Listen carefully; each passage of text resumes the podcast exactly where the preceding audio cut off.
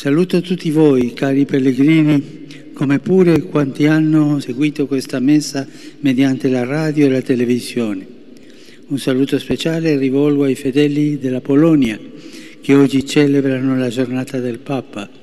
Li ringrazio per le loro preghiere e per il loro costante affetto.